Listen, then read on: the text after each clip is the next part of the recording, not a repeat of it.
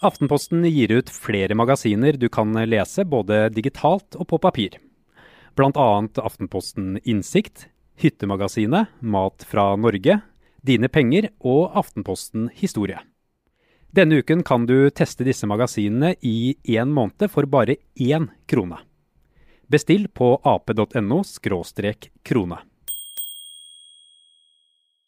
In order to counter COVID 19, we need vaccines effective treatments and fast and uh, reliable tests. Over hele verden jobber forskere og leger på spreng for å skaffe mest mulig kunnskap. Men eh, hvor mye er det vi nå vet om koronaviruset? Dette er Forklart fra Aftenposten. Jeg heter Andreas Bakke Foss. Det er tirsdag 28. april.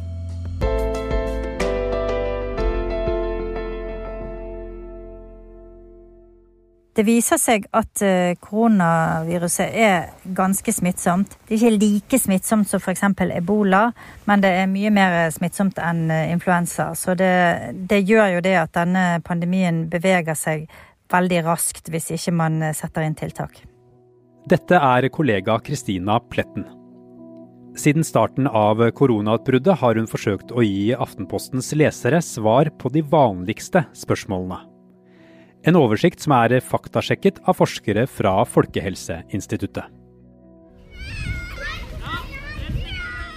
I går fikk 250 000 barn fra 1. til 4. klasse endelig lov til å komme tilbake på skolen. Helt siden skolene ble stengt for over seks uker siden, så har det pågått en debatt. For hvor smitteutsatt er barn for dette viruset? Altså, Folkehelseinstituttet driver jo med det de kaller smittesporing. og Det betyr at de prøver å finne ut hvordan smitten sprer seg ved å intervjue folk som har vært syke. Og det de ser, det er at uh, i smittesporingen hittil så er det veldig få tilfeller av at barn har smittet andre. Og det støttes for så vidt også av rapporter fra andre land og uh, studier som viser at barn både i liten grad blir syke og i liten grad ser ut til å bli smittet sjøl. Det betyr ikke at de er immune, men eh, det kan virke som de eh, smitter mindre og blir mindre påvirket. Men kan de være symptomfrie smittebærere likevel? Eh, ja, det ser sånn ut som de kan være det. Men altså, vi kan vel ikke si at de ikke er smittebærere, men, men altså, det er betydelig mindre grad av det da, enn det voksne er. Det tror jeg man kan slå fast med rimelig god sikkerhet. Men jo eldre folk blir, jo lettere er det at de som blir smittet med koronaviruset, utvikler sykdommen covid-19. En liten andel av de som blir smittet, blir alvorlig syke. De fleste av de er folk som har andre sykdommer i tillegg, særlig da høyt blodtrykk, eh, hjerte- og karsykdommer og diabetes. Men det er også noen, da, noen få, som blir alvorlig syke som ikke har noen andre lidelser fra andre land så har vi f.eks. sett at leger og sykepleiere kan bli alvorlig syke og, og, dø. Det har skjedd i Italia, det har skjedd i Spania, det har skjedd i Frankrike, England. Um, så det ser ut som det er noen som, som, på en måte har en svakhet for dette viruset, men man vet ikke hvorfor det er sånn. Men de som blir lagt inn, hva skjer med dem, hva slags behandling er det de får? De som blir alvorlig syke, de må ha hjelp til å puste og de blir lagt på respirator. Eh, og det som skjer, er at lungene sliter med å ta opp nok oksygen, og det kan gå utover de andre organene i kroppen. Men så er det også eh, mange rapporter om at immunforsvaret løper løpsk. Eh, og det betyr at immunforsvaret til kroppen det angriper for hardt i forsøket på å bli kvitt viruset. Og jeg har snakket med immunolog Anne Spurkeland, og hun har fulgt dette her veldig nøye. Hun kaller det for et immunkaos. Og Måten hun forklarer det på, det er at viruset forstyrrer eh, signalene som kroppen sender til sitt eget forsvar, da, eh, om at eh, nå skal du angripe. Og dette her problemet ble også beskrevet nylig i en artikkel i tidsskriftet Nature. Og der forteller de at legene får et veldig dilemma når de står ovenfor eh, denne her eh, immunforsvarkaoset. Fordi at de må prøve å dempe immunforsvaret, men de må ikke dempe det så mye at ikke kroppen klarer å bekjempe viruset. Én ting er jo de som blir innlagt på sykehus, Kristina, men det er også mange som uh, blir alvorlig syke og dør på sykehjem. Hvordan er det med dem? De fleste av de eldre som får eh, covid-19, de vil ikke få den type intensivbehandling som yngre mennesker får på sykehus i Norge. Og det er bl.a. fordi det er veldig belastende på kroppen. Um, I noen land så har de kanskje litt lavere terskel for å legge inn veldig gamle personer på respiratorbehandling. Men det er også altså, veldig mange som dør på sykehjem. Og det er hovedgrunnen til at det er så store mørketall. Eh, fordi at det er mange som dør uten å ha fått påvist covid-19. I går hadde Financial Times en kjempeinteressant sak der de skriver at eh, dødstallene kan være 60% større på verdensbasis enn det som er rapportert. Og det er i stor grad fordi at veldig mange eh, eldre dør på sykehjem uten at de har fått eh, påvist sykdommen. Vi er straks tilbake. I laboratorier over hele verden jobbes det nå med å finne medisiner som kan virke mot sykdommen. Og det har kommet flere mer eller mindre seriøse forslag både på sosiale medier og fra statsledere. USAs president Donald Trump har fått kritikk for at han i forrige uke foreslo behandling med sterke lys And then I said, supposing you brought the light inside the body, you can, which you can do, either through the skin or uh, in some other way. Og injisering av håndsprit. So it'd be interesting to check that. So that you're going to have to use medical doctors with. But it sounds, it sounds interesting to me. Det er ingen medisiner som er godkjent mot korona. Men det legene gjør, er at de prøver medisiner som er godkjent mot andre sykdommer. Og så leder Verdens helseorganisasjon et prosjekt der de tester fire av eh, disse forskjellige medisinene som har vært eh, prøvd. Og det er en som er, brukes mot ebola, en som brukes mot malaria, to, tror jeg, som brukes mot hiv, og så en kombinasjon av de hiv-medisinene og en annen type legemiddel, da. Så det, det, er prøver på gang, men det er vel ingen eh, som har konkludert med at det er noe som man kan helt sikkert si eh, hjelper mot korona eller covid-19 foreløpig. Men det jobbes jo også på spreng med å finne fram til en vaksine mot dette viruset. Hvordan går det arbeidet? Det er jo veldig mange som jobber med det, og eh, det skjer eh, over hele kloden. Men det er ikke så mange, så vidt jeg har forstått, som har kapasitet til å kunne utvikle en vaksine på så kort tid. Eh, blant annet fordi de skal jo kjøre gjennom flere runder med tester, og det er ganske krevende. Og så når de har en vaksine klar, så skal det skaleres opp og, og produseres i hundrevis av millioner av doser. Milliarder av doser må man vel ha. Ja, For da vil jo hele verden ha vaksine? Ja, ikke sant. Hele verden må på en måte bli vaksinert for at dette skal eh, slå tilbake pandemien, da. Så Derfor så jobber man også eh, parallelt med at man prøver å utvikle selve vaksinen, så jobber man mange steder med å, med å, ut, med å øke produksjonskapasiteten. Men når kan denne vaksinen være klar, da? Altså, jeg deltok på en telefonkonferanse med, med, sjefen for Gates Foundation for uh, en uke eller to siden, og han sa at det ville ta minst et år, og at det ville være en ny verdensrekord. Og sånn som jeg eh, forstår det, så er vel de fleste som har inngående kjennskap til dette, her, de mener at det vil ta minst et år eller halvannet. Så konstaterer jeg at det er noen som sier at det vil gå fortere, men um, Eh, foreløpig så er mitt inntrykk at eh, vi kan ikke forvente noe før i hvert fall eh, neste vår eller sommer. I går var nesten tre millioner mennesker i verden bekreftet smittet av koronaviruset.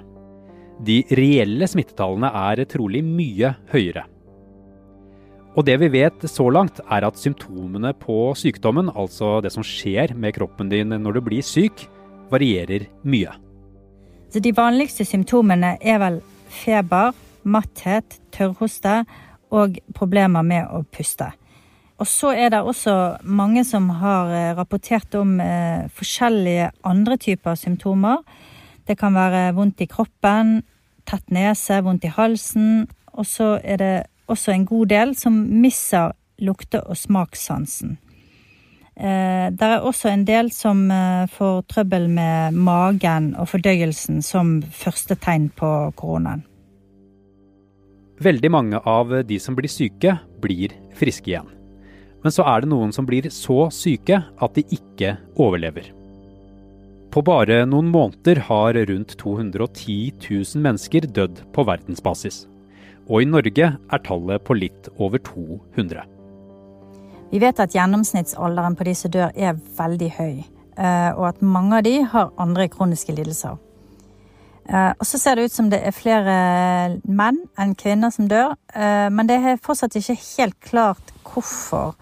Og i Norge så ser vi vel at det er flere menn som er døde i de yngre aldersgruppene, men når du ser på de over 90, så er det flest kvinner. Og det er jo kanskje fordi at det er flest kvinner som er på sykehjem i den alderen. Eh, og så vet vi at eh, i Norge så er det rundt to tredjedeler som dør på sykehjem. Det er visse likheter mellom måten influensa og koronavirus sprer seg på. Begge er luftveisvirus, og noen av symptomene er de samme. Men koronaviruset er ikke en type influensa. Nei, det er det ikke. Det vi kjenner som vanlig influensa, det tilhører en helt annen gruppe virus tidlig i forløpet av denne pandemien så ble det trukket veldig mye eh, sammenligninger til influensa. Kanskje fordi at en del av symptomene eh, er like. Eh, og det har gjort at vi kanskje har tenker på det som en slags influensa, da, istedenfor å tenke på det eh, i forhold til andre virus som ebola eller hiv. Sånn at eh, det har satt seg en slags fortelling, da om at dette her er eh, sammenlignbart med eh, influensa, men det er det jo egentlig ikke. Nå er det etter hvert mange som eh, har vært syke, og noen også alvorlig syke av covid-19. Men hva vet vi om ettervirkningene denne sykdommen har på kroppen? Det er ikke så lett å finne så mye informasjon om dette her, og det er en enkel grunn til det. Og det er at vi bare har hatt det siden januar. Sånn at eh, det er ikke så veldig mange som har uh, vært friske så lenge. Uh, men det har vært noen små studier som har vist at folk har hatt problemer med lungene også etter at de har vært friske. Det kan også skyldes intensivbehandlingen, som i seg sjøl kan være veldig tung for kroppen. Men vi vet rett og slett ikke svaret på dette her ennå, men det vil helt sikkert bli et veldig viktig tema i det neste året eller de neste to årene. Mm. Et annet helt sentralt tema Kristina, som jo er eh, relativt viktig, er om man blir immun etter å ha blitt frisk igjen av covid-19. Blir man det? Altså Det vet man jo heller ikke, og det er jo også et kjempeviktig tema. Eh, når du får et virus, så produserer kroppen såkalte antistoffer. En forsker på Folkehelseinstituttet han forklarte det sånn til meg at Immunitet det handler om at immunforsvaret husker viruset på en måte, sånn at det kan mobilisere disse antistoffene eh, når du blir, eh, når du blir smittet på nytt, altså kroppens forsvar. da. Så har det vært en del rapporter om at folk har blitt smittet eh, flere ganger, men vi vet ikke helt om det er tilfellet. Men dette her vil jo være veldig, veldig viktig for det vi kaller for flokkimmunitet, altså at så mange i befolkningen faktisk er immune at pandemien ikke er så farlig lenger. Eh, men foreløpig så eh, er forskerne litt usikre på hele dette her bildet her, og det er vel noe av det som det nå eh, mest, forskes mest på, da. Fordi at det er så essensielt for når vi kan åpne samfunnet, hvordan forløpet til pandemien skal gå. Hvis vi ser fremover, Kristina, hva er de viktigste tingene vi fortsatt ikke vet om eh, koronaviruset og sykdommen covid-19 som vi bør finne ut av ganske fort? Ja, nå har vi snakket om immunitet. Det blir kjempeviktig. Eh, det er veldig også viktig å vite om eh, det gir noen alvorlige ettervirkninger. Det vil være nødvendig å vite om man kan bruke noen av de medisinene man allerede har godkjent, til å behandle det. Da slipper man å være så redde for at eh, folk skal dø av det, ikke sant. Og så er det dette mysteriet der med hvorfor det er noen som blir så fryktelig syke, mens andre nesten ikke merker det i det hele tatt. Så det er vel kanskje det som jeg i hvert fall har sett som, eh, som det knytter seg mest usikkerhet rundt, da.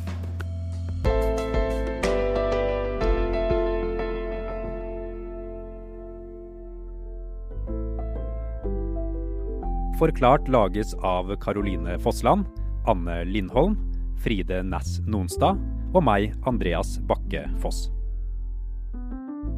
I denne episoden har du hørt lyd fra NRK og nyhetsbyrået AP. Vil du fordype deg i mer godt innhold fra Aftenposten? Prøv gjerne en av våre magasiner i én måned for bare én krone. På ap.no krone.